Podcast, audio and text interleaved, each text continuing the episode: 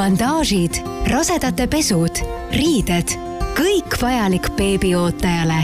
oleme sinu kõrval, sest emadus, see on jagatud kogemus. Relax Mom, sinu õige valik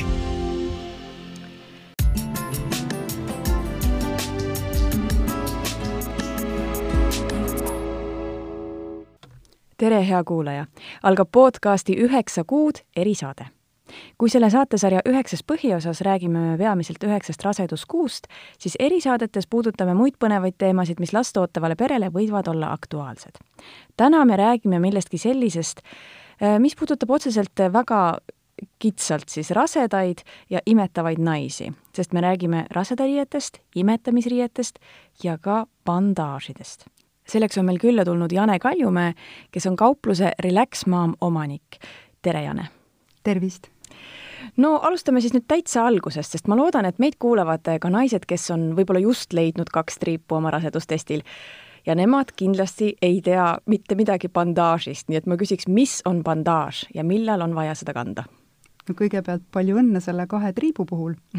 aga bandaaž kui niisugune, ta nimi tegelikult tulebki sellest sõnast hoidevöö ehk siis abistav vöö ehk abivahend.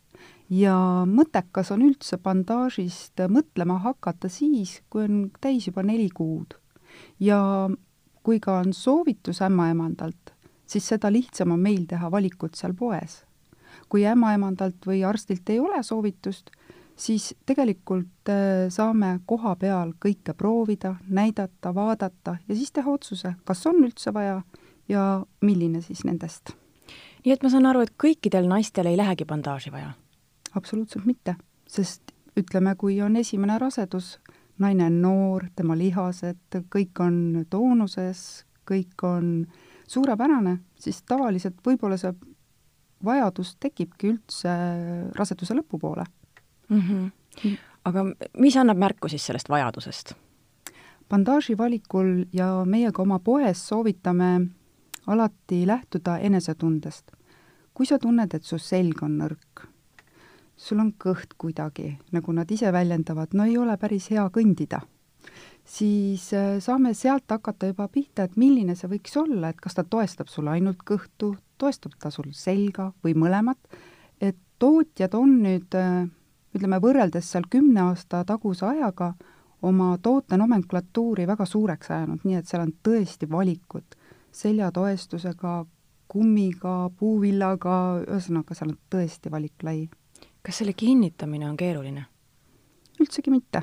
et seda me samamoodi näitame ka poes, samamoodi on seal tootel juures alati see instruktsioon, kuidas seda kasutada. aga reeglina bandaažid nii raseduse ajal kui ka siis ka sünnitusjärgselt, tema esimene reegel on ikkagi see, leida õige suurus, peale panna siiski hommikul ja lamali olles. ehk siis naine heidab pikali, paneb selle bandaaži endale selja taha, eest kinnitab, tõuseb püsti ja siis kahel pool on sellised huvitavad krõpsud, mis aitavad siis seda toestusefekti veelgi suurendada. nii et oleneb siis, mis toode ja kuidas seda siis täpselt kasutada nii et äh, ma saan aru, et kui on seljavalu näiteks, et siis oleks mõistlik hakata mõtlema bandaaži peale? jaa, üks äh, kindel näidustus on lumbaalvalud ehk siis seljavalud ja nende puhul siis tõesti on olemas spetsiaalse seljatoestusega bandaažid ehk siis hoidevööd mm. -hmm. kas sama bandaaži saab äh, pärast sünnitust edasi kanda? tegelikult võib isegi nii öelda, et on selline vanasõna või ütelus, et mis kõlbab kõigeks, ei kõlba millegiks. just. et äh, tootjad on äh, mõnele tootele tõepoolest sinna instruktsiooni sisse kirjutanud, et kasutada ka peale sünnitust. ma siiski tahaks äh, öelda kõikidele noortele emadele, et ta väga hästi ei sobi selleks, sest et see kattev pind kõhu osas jääb liiga kitsaks ehk siis sünnitusjärgne bandaaž peab olema kõrgusega vähemalt alates kakskümmend kaheksa sentimeetrit, aga need bandaažid, mis seljaosa ütleme seal toestavad, nad ei ole nii kõrged. nii et ma ikkagi pakun välja, et võiks olla rasedusaegne bandaaž ja seejärel sünnitusjärgne. Mida ta siis sünnituse järgselt toetab või aitab? sünnitusjärgne, sünnitusjärgne bandaaž on ikkagi kõhulihaseid toetav selline komfortne ja mugav elastikside ja me nimetame seda ka nagu selles mõttes äh, mugavustooteks või füsioterapeudid samamoodi soovitavad seda, et ta on abivahend. Ja abivahendina ta ikkagi toestab kogu selle ütleme, üheksa kuud, mis on teinud organite ööd, kõik on vaja ikkagi fikseerida sünnitusjärgselt. aga jällegi, et mitmes see sünnitus oli? et kui on esimene, võib-olla ei ole vaja midagi toestada, kõik toimub iseenesest. aga iga järgnevaga võib tekkida see küsimus, et tõepoolest, ma vajan midagi, sest mu selg on valus. aga kuidas ikkagi valida õiget bandaaži? Nagu ma enne mainisin, et kui on olemas soovitus oma ämmaemandalt või arstilt, siis on meil poes seda valikut hästi lihtne teha. kui seda soovitust nüüd ei ole ja naine satub ise poodi ütleb, et mul on mingi probleem, kas seljaga, kõhuga või üldse kuidagi raske on, eriti seal lõpupoole, siis koha peal saame kõike proovida ja valik tulebki siis sellest, millised on selle naise vajadused. kui pikalt päeva jooksul peab see bandaaž peal olema? Bandaažiga on siis nii, et hommikul peale pikali olles ja meie ikkagi soovitame, nii nagu tootja ka seal on öelnud, et kolm tundi kanda, siis lasta natuke kõhul puhata, siis panna uuesti peale, aga kindlasti mitte ei tohi jätta seda ööseks.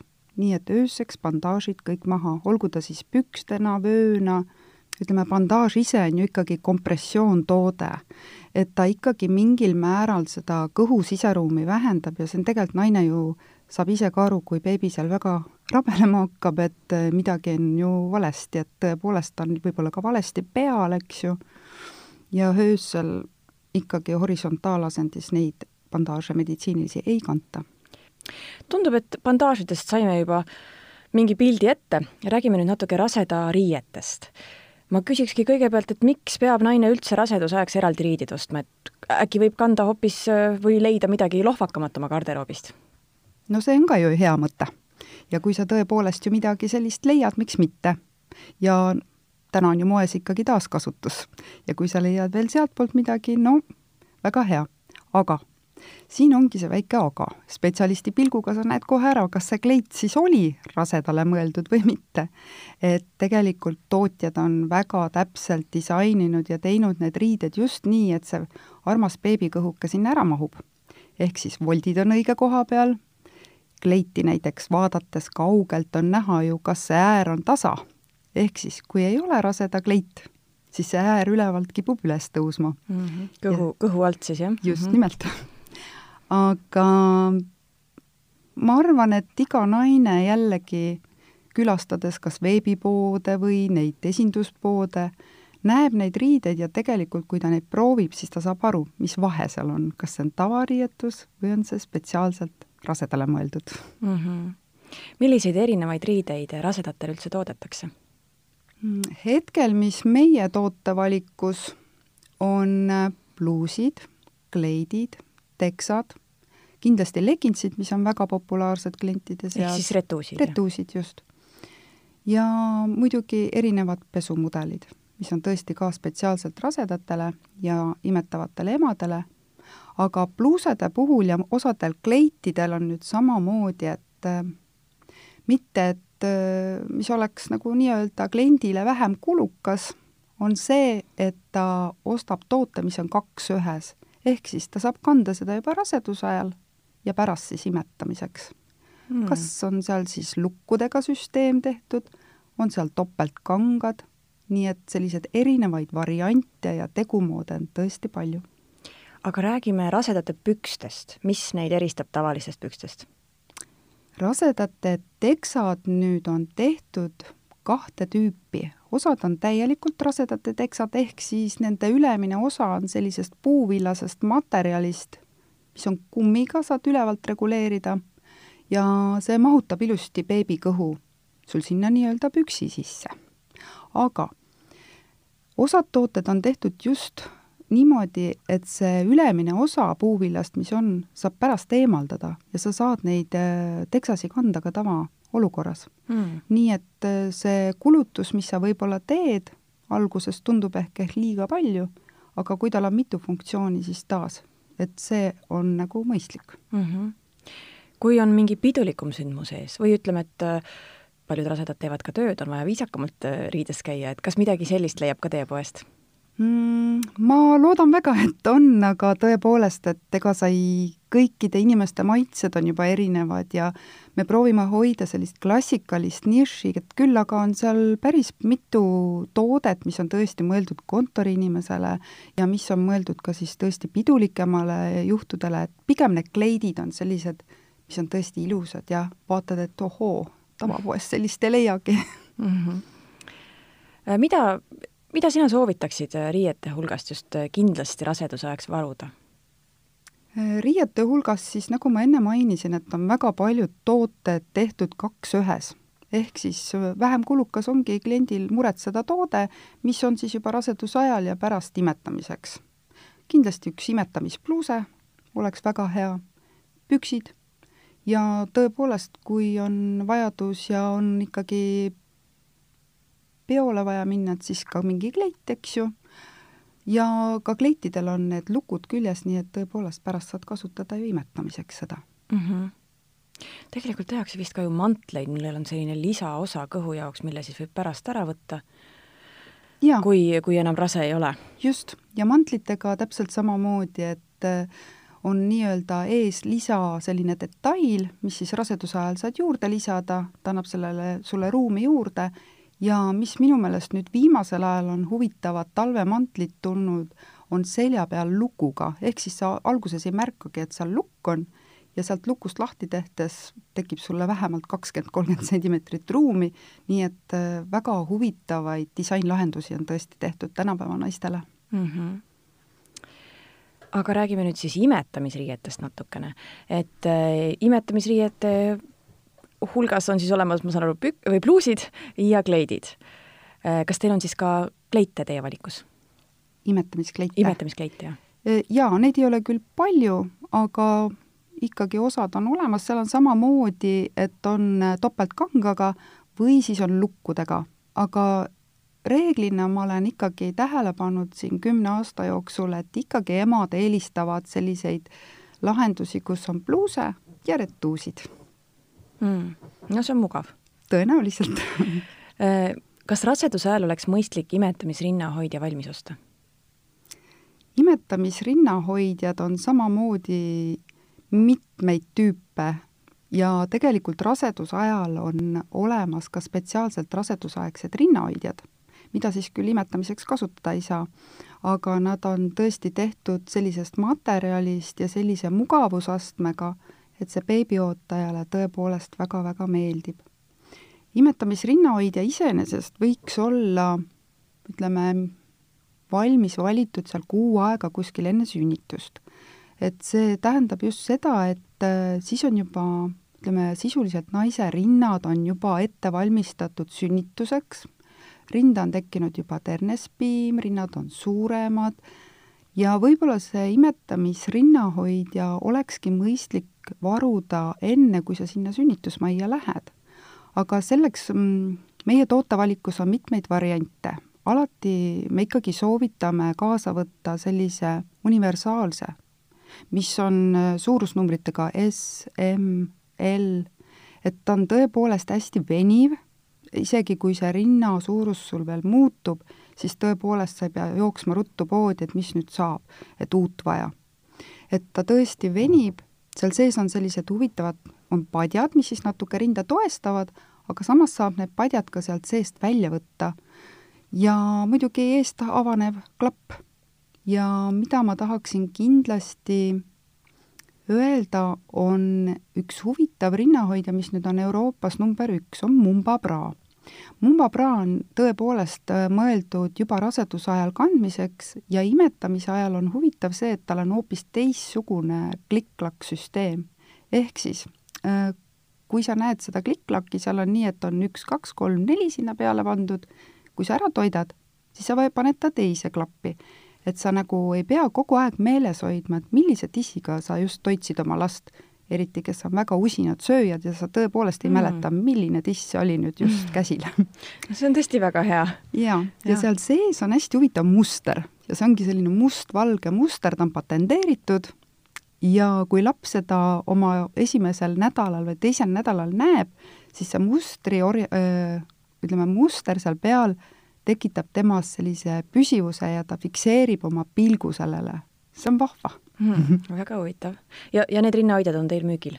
jah, ja neid on nelja erinevat värvi, nii et äh, lihtne on valida suurust, kui on teada juba, mis värv sulle meeldib, nii et jaa, on olemas. aga ma kujutan ette, et need SML suurusega võib-olla on sellised nagu universaalsemad, et nad vist ei toe, toesta seda rinda nii hästi, kui on suurem rind, et näiteks kui on pidulikum üritus ja kleit, aga võetakse laps kaasa, on vaja imetada, et siis selleks oleks vaja vist midagi toestavamat, eks? Jaa, nii ongi. et imetamisrinnahoidjatest meil on veel valikus äh, päris palju mudeleid, mis on tugikaartega ja eestpolstriga ehk siis see polster tegelikult äh, ongi just see, et eriti mis puudutab imetavaid emasid, kes suvel on oma titadega, et sa tõepoolest ei taha ju, et sealt kleidi või pluusa alt mingi ring veel näha on, siis see polster tõepoolest katab selle rinnapadja ära ja see on, tõesti jääb märkamatuks seal sees. On ka siis tugikaarega rinnahoidjad ilma polstrita, aga tõepoolest seal peab täpselt nagu teadma oma suurust, et kas see ütleme, rinnaalune ümbermõõt, rinna pealt ümbermõõt ja siis sa saad teada oma korvi ja neid on ka B-korvist kuni K-korvini on meil müügil mm. -hmm nii et kuidas siis ikkagi seda rinnahoidjat täpselt valida, imetamisrinnahoidjat ma pean silmas, et mõistlik oleks kohale tulla ja, ja, ja paluda abi, jah? ikka nii, aga need, mis on universaalsed rinnahoidjad, neid on väga lihtne valida, et tootjal on kaasa antud tabel ja see suurus, mis sul ennem oli, selle järgi hakkadki valima aga nüüd, kui on tegemist ikkagi selle tugikaarega rinnahoidjaga, siis kui sa oma mõõta ei tea, siis tõepoolest poes kohapeal me mõõdame rinnaalune ümbermõõt rinna pealt ja siis tekkinud vahetabelis saab vaadata, et mis korv sul täpselt läheb, sest tõepoolest rinnad on muutustes mm. -hmm. kui alguses sa võid olla seitsekümmend viis B, siis mõnikord lahkutakse meie juurest ikkagi kaheksakümmend D. aga kas mul on õigus, et imetamise käigus ütleme, et kui naine imetab aasta-kaks, siis selle aja jooksul ju ka rind muutub väiksemaks? Äh, see on jah, tõepoolest kõik individuaalne, et äh, seda ei näegi keegi ette, et see tõepoolest ongi nii, aga sellepärast olemegi meie, me saame aidata, vaatame, mis suurus täpselt tuleb ja kõige tähtsam on muidugi see, et leida õige mugav rinnahoidja mm. -hmm. mitu rinna, rinna, imetamisrinnahoidjat siis võiks valmis osta raseduse ajal? Äh, raseduse ajal võiks olla ikkagi mm, üks kuni kaks, sellepärast et kui sul see üks on seal pesus, siis võiks ju üks ikkagi olla seljas mm. -hmm. nii et noh, kaks võiks olla, aga eks iga naine tunneb ise, et äh, kui palju tal neid vaja oleks ja milliseid, kas siis neid universaalseid variante, midagi ilusamat veel koju muretseda, või siis midagi sellist, mis on äh, täiesti selline sportlikut tüüpi, nii et on ka neid emmesi ju, kes teevad ka sporti sa korra mainisid enne ka rasedusaegset pesu. mis seda eristab tavalisest pesust? Rasedusaegne pesu on mõeldud beebiootajale, kes soovib natuke tunda ennast veel mugavamalt, ehk siis need pesud on tehtud äh, rasedale nii, et seal ei ole sees ühtegi õmblust. Nad on äh, väga komfortsed ja mugavad ja rinnahoidjatest siis samamoodi, et on erinevaid valikuid, on sellised, mis väga tugevalt, eks ju, toestavad ja on ka need, mis on sellised pehmemad mudelid. aga olen tähele pannud, et äh, kes on ostnud nagu raseduse ajal selle rinnahoidja, on jälle meie poodi tagasi sattunud ja meenutab hea sõnaga, et mina siit leidsin ühe rinnahoidja ja ta tuleb jälle ja ostab selle. kuigi ta ei ole enam beebiootaja, aga lihtsalt see mugavusaste mm. oli nii suur, et tavapoes tal ei õnnestunudki leida sellist mm. -hmm. kuidas on lood sukkpükstega? sukapükse on tõepoolest ka päris mitmeid variante. Ehk siis äh, nii nagu tavapoeski, neid on mitme paksusastmega, suvel siis on kümme, viisteist, kakskümmend tenni ja sealt edasi siis lähevad nelikümmend tenni, kuuskümmend, sada. Ja nüüd on ka viimastel aastatel tootjatelt tulnud juurde sellised pehmed, mugavad puuvillased sukapüksid ja osad on isegi selle bambuukiuga, ehk siis ta on natuke pidulikuma välimusega, ehk siis ta veidike nagu annab sellist läiget. aga sukapüksid on äh, eest kahe triibuga, ehk siis need mahutavad ilusti selle beebi kõhu sinna sisse, või siis on reguleeritava äärega, aga need on juba kompressioonsukapüksid, mis on juba teine teema. kui on probleemid jalgadega, kui on veenilaiendid, tursed, siis on kompressioonsukapüksid mm. -hmm. veenilaiendid äh, võivad rasedatel tegelikult vist päris tihti esineda või vähemalt ma tean seda, et rasedus soodustab äh, nende teket või nende siis nagu suurenemist et äh, kui sellega on probleeme, siis peaks vist jah, tõesti neid spetsiaalseid suppükse kasutama, eks?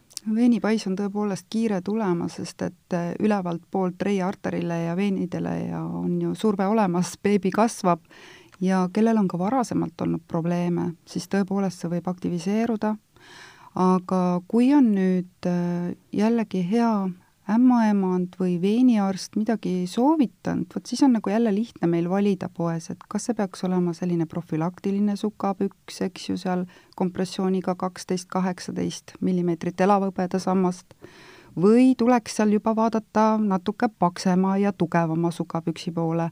Nii et äh, hetkel siis meie pakume kahte varianti, et ongi siis profülaktiline ja järgmine oli siis kaheksateist kuni kakskümmend kaks millimeetrit elavhõbeda sammast ja see on siis sada nelikümmend tenni. aga alustada tõepoolest tuleks selle seitsmekümne tenniga ja nii, nagu olid need bandaažid, samamoodi on sukapüksid, tuleb panna jalga selga ikkagi hommikul, siis kui keha ei ole turses ja inimene on nii-öelda kõige väiksem. Ja kompressioonsukapüksid tõepoolest annavad abi. nii et kui veenilaiendid on jalale tekkinud, siis tuleks minna ämmaemanda või veeniarsti juurde ja tema siis soovitab, millised sukapüksid või võib ka teie käest küsida või? ei no meie hea meelega alati abistame, aga mulle meeldib alati, kui on ikkagi professionaalid, kes meile mm -hmm. ütlevad, milline see aste võiks olla, siis on meil lihtsam poes valikuid teha mm. -hmm. aga mida võiks veel varuda sünnitusjärgseks perioodiks? Sünnitusjärgseks perioodiks võiks üle vaadata oma nimekirja tavaliselt on emmedel need nimekirjad seal poes kaasas, tehakse väiksed linnukesed taha, et mis juba olemas on ja mis puudu on. haiglad kindlasti pakuvad hügieenisidemeid ja võrkpükse, aga võib juhtuda, et jääb neid natuke väheks, siis võib alati meie juurest neid juurde osta. sünnitusjärgsel perioodil võiks mõelda kindlasti ka juba oma beebi peale, kas ta vajab nabapuhastuseks midagi, kas ta vajab silmapuhastuseks mingeid vahendeid ehk siis tänapäeval muidugi on kõik äh, füsioloogiline lahuja ja tampoonid, need on ka poes olemas. ja võib-olla ikkagi sünnitusjärgne periood on äh, selline, kus võiks seal haiglakotis olla ühed toestavad püksid või bandaažvöö siis. kui kaua seda bandaažvööd siis kanda võiks?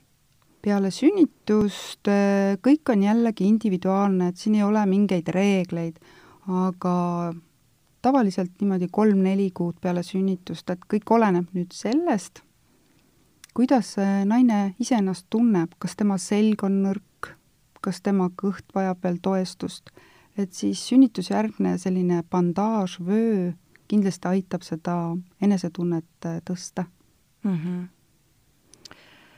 Juttu oli hetkeks äh, võrkpükstest meil on kuulamas ka mõned naised, kes võib-olla just avastasid kaks triipu oma rasedustestil, et mis need võrkpüksid on? Äh, võrkpükste nimi võib-olla tulebki sellest, et nad on ühekordsed, paned ühe korra jalga ja võid nad kohe ka ära visata. ehk siis äh, sünnitusjärgses perioodis on kindlasti kõige olulisem mugavus, kindlasti ei saa haiglas hakata pesema oma aluspesu, mis oleks väga ebahügieeniline, ja seepärast ongi võrkpüksid, mis on ühekordsed. küll aga ma tean, et äh, nende kvaliteet on juba nii hea, et nad kannatavad võib-olla seal kaks-kolm pesu, aga mõelgem sellele, et kas meil on äkki muid tegevusi ka, kui neid võrkpükse seal haiglas pesta mm. -hmm. ja ilmselt tuleks siis sünnitusjärgseks perioodiks varuda ka suuremaid hügieenisidemeid, eks ole? jaa, et äh, hügieenisidemeid on meil samamoodi esinduspoodides iga, kogu aeg olemas.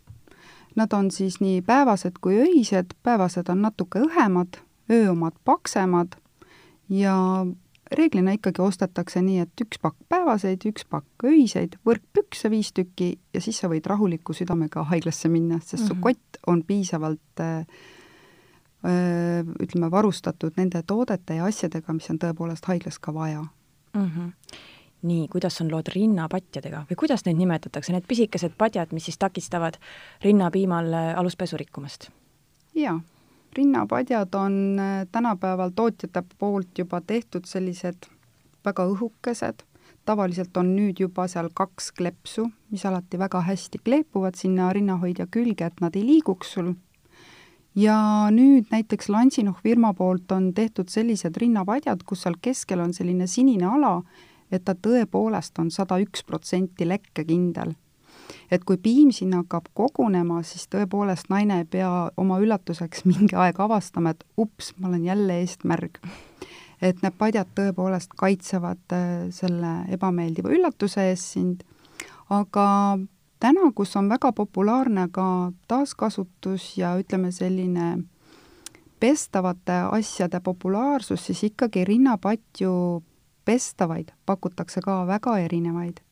nii et äh, on olemas äh, Mamivaki ja Lansinohi ja Philips Avendilt ja nii edasi, väga palju erinevaid pestavaid äh, rinnavatju, nii et on juba trend sinnapoole, et neid paberis, paberist rinnapatju nii palju enam ei soetatagi, kui just mm. neid pestavaid. see on ju väga hea uudis jaa, et trendid on muutunud, et see on nüüd üks, ütleme, viimase kolme aasta trend, kus ikkagi naised otsivad sellist, mis on ka rahakotisõbralikum, olgem ausad, sest hinnavahe on ju märgatav ikkagi mm. -hmm. et see on nagu tore. kas rinnapatju võiks ka siis haiglakotti endale kaasa panna? Miks mitte? Mhm. sest et loomulikult tuleb see piim alles sul teisel, kolmandal, neljandal päeval aga miks nad ei võiks seal kotis juba varuks olla? kui haiglas kohe ei lähe neid vaja, aga kodus kindlasti. kuigi tegelikult ütleme niimoodi, et see statistika ju ütleb seda et, et kaheksakümmend protsenti naistel rinnad lekivad ja kakskümmend protsenti ei lekigi. nii et meie poodi samamoodi on tulnud naised, kes ütlevad ei, ei, milleks mulle rinnapatju, mul ei ole üldse sellist probleemigi mm. -hmm. ja seda tegelikult ju ette ei tea, kas see probleem tuleb või ei tule? no vot, ei tea aga nüüd äh, küsin veel sellise asja kohta nagu imetamispadi. Teil on ka imetamispadjad müügil, eks ole? jaa, on.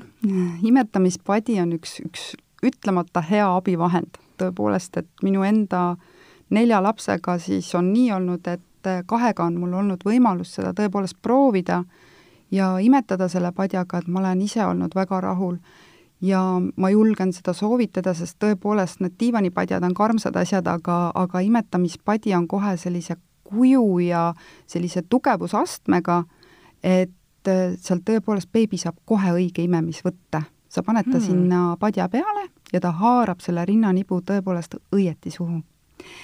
ja meie pakume ka näiteks sellist omatoodangut Relax Mami nuudelpadi seda me oleme nüüd kümme aastat äh, nii-öelda tootnud, see oleks vist imelik sõna öelda tootnud, sest tegelikult äh, kuus aastat õmblesin ma neid ise aga siis juhtus see, mis juhtuda sai, et äh, tellimusi tuli nii palju ja ma tõepoolest enam ei suutnud, et öötunnid hakkasid natuke lühikeseks jääma. ja täna meil teeb üks hea koostööpartner, tõepoolest neid nuudelpatju ja neid me ei müü siis mitte ainult Eestis, vaid ikka ka väljaspoole, sest äh, e-poe kaudu on ju maailm avatud ja meie padjad on liikunud näiteks Gröönimaale mm., meie padi on liikunud Kasahstani, et selles mõttes on äh, hästi vahva, et see nuudelpadi on nii rasedatele kui ka pärast imetamiseks. mis seal sees on? sees on seal Ökotex selline, mm, kuidas ma ütlen, vatiinipallikesed, alguses me panime sinna sisse nii-öelda täiteks sulgi ja, ja panime ka neid plastikgraanuleid, mis hetkel on näiteks kotttoolide sees, aga see ennast ei õigustanud, sest padi ikkagi ei omandanud oma kuju seal näiteks kuu või kahe pärast. nii et praegune sisutäide, mis on tõesti Ökotexi sertifikaadiga, on suurepärane, sest ta on nii emale kui ka beebile täiesti ohutu ja seal on tehtud kõik need testid, eks ju, et ta ei ole allergiat tekitav ja nii edasi. et ja mis kõige olulisem, ta taastab oma kuju mm. Mm -hmm. ma kujutan ette, et rasedana võib ka väga mõnus olla, kui öösel saab selle nuudelpadja siis kas selja taha siis panna toetuseks, kui külje peal magada, või siis põlvede vahele toetuseks või, sest et mina mäletan küll, et rasedana magamine oli üsna ebamugav no eriti lõpukuudel, mis on ka täiesti mõistetav. eks, eks seal nii ongi siis nii, et voodis on kolm asja, kolm tegelast, et mees, naine ja nuudelpadi.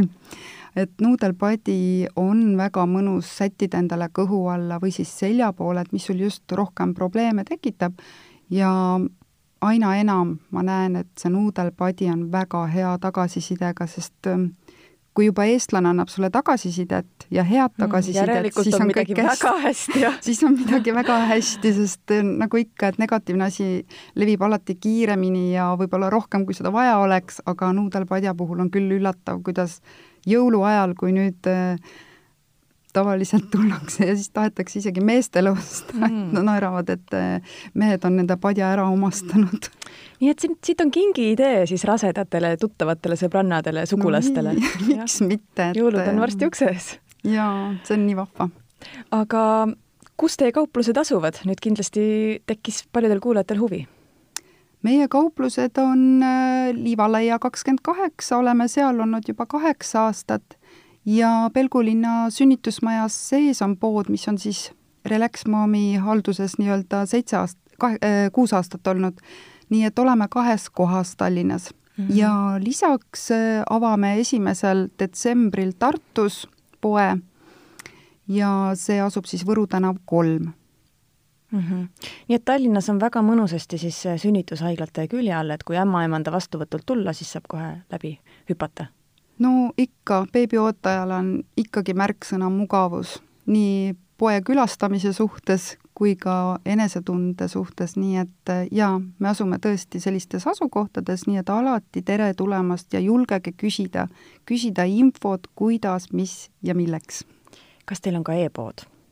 jaa, et äh, hetkel me oleme siis juba veebis tegutsenud üksteist aastat ja veebipoed siis on relaxmom.ee, üheksakuud.ee ja on ka väike valik pesamuna.ee-s, kus on mööbel, natuke suuremad, ütleme sellised tarvikud, lamamistoolid beebidele, söötmistoolid, et mis puudutab juba seda beebiaega mm, -hmm. aga seal ei ole rasedate tooteid. no see on juba täiesti teine teema, et mida kõike siis sellele beebile valmis varuda, sellest me enam täna rääkida ei jõua just. aga aitäh, Jane, et äh, sa leidsid aega meiega rääkida. tore. aitäh, hea kuulaja, et äh, meid ära kuulasid, ma loodan, et äh, sinu rasedus jätkub ilusti. ja kõik meie saated on leitavad Spotify'st, iTunes'ist, SoundCloud'ist ja kõikidest teistest suurematest podcast'ide rakendustest. leia meid üles, hakka jälgima ja uued episoodid jõuavad esimesena sinuni. Kuulmiseni! bandaažid, rasedate pesud, riided kõik vajalik beebiootajale. oleme sinu kõrval, sest emadus, see on jagatud kogemus. Relax Mom, sinu õige valik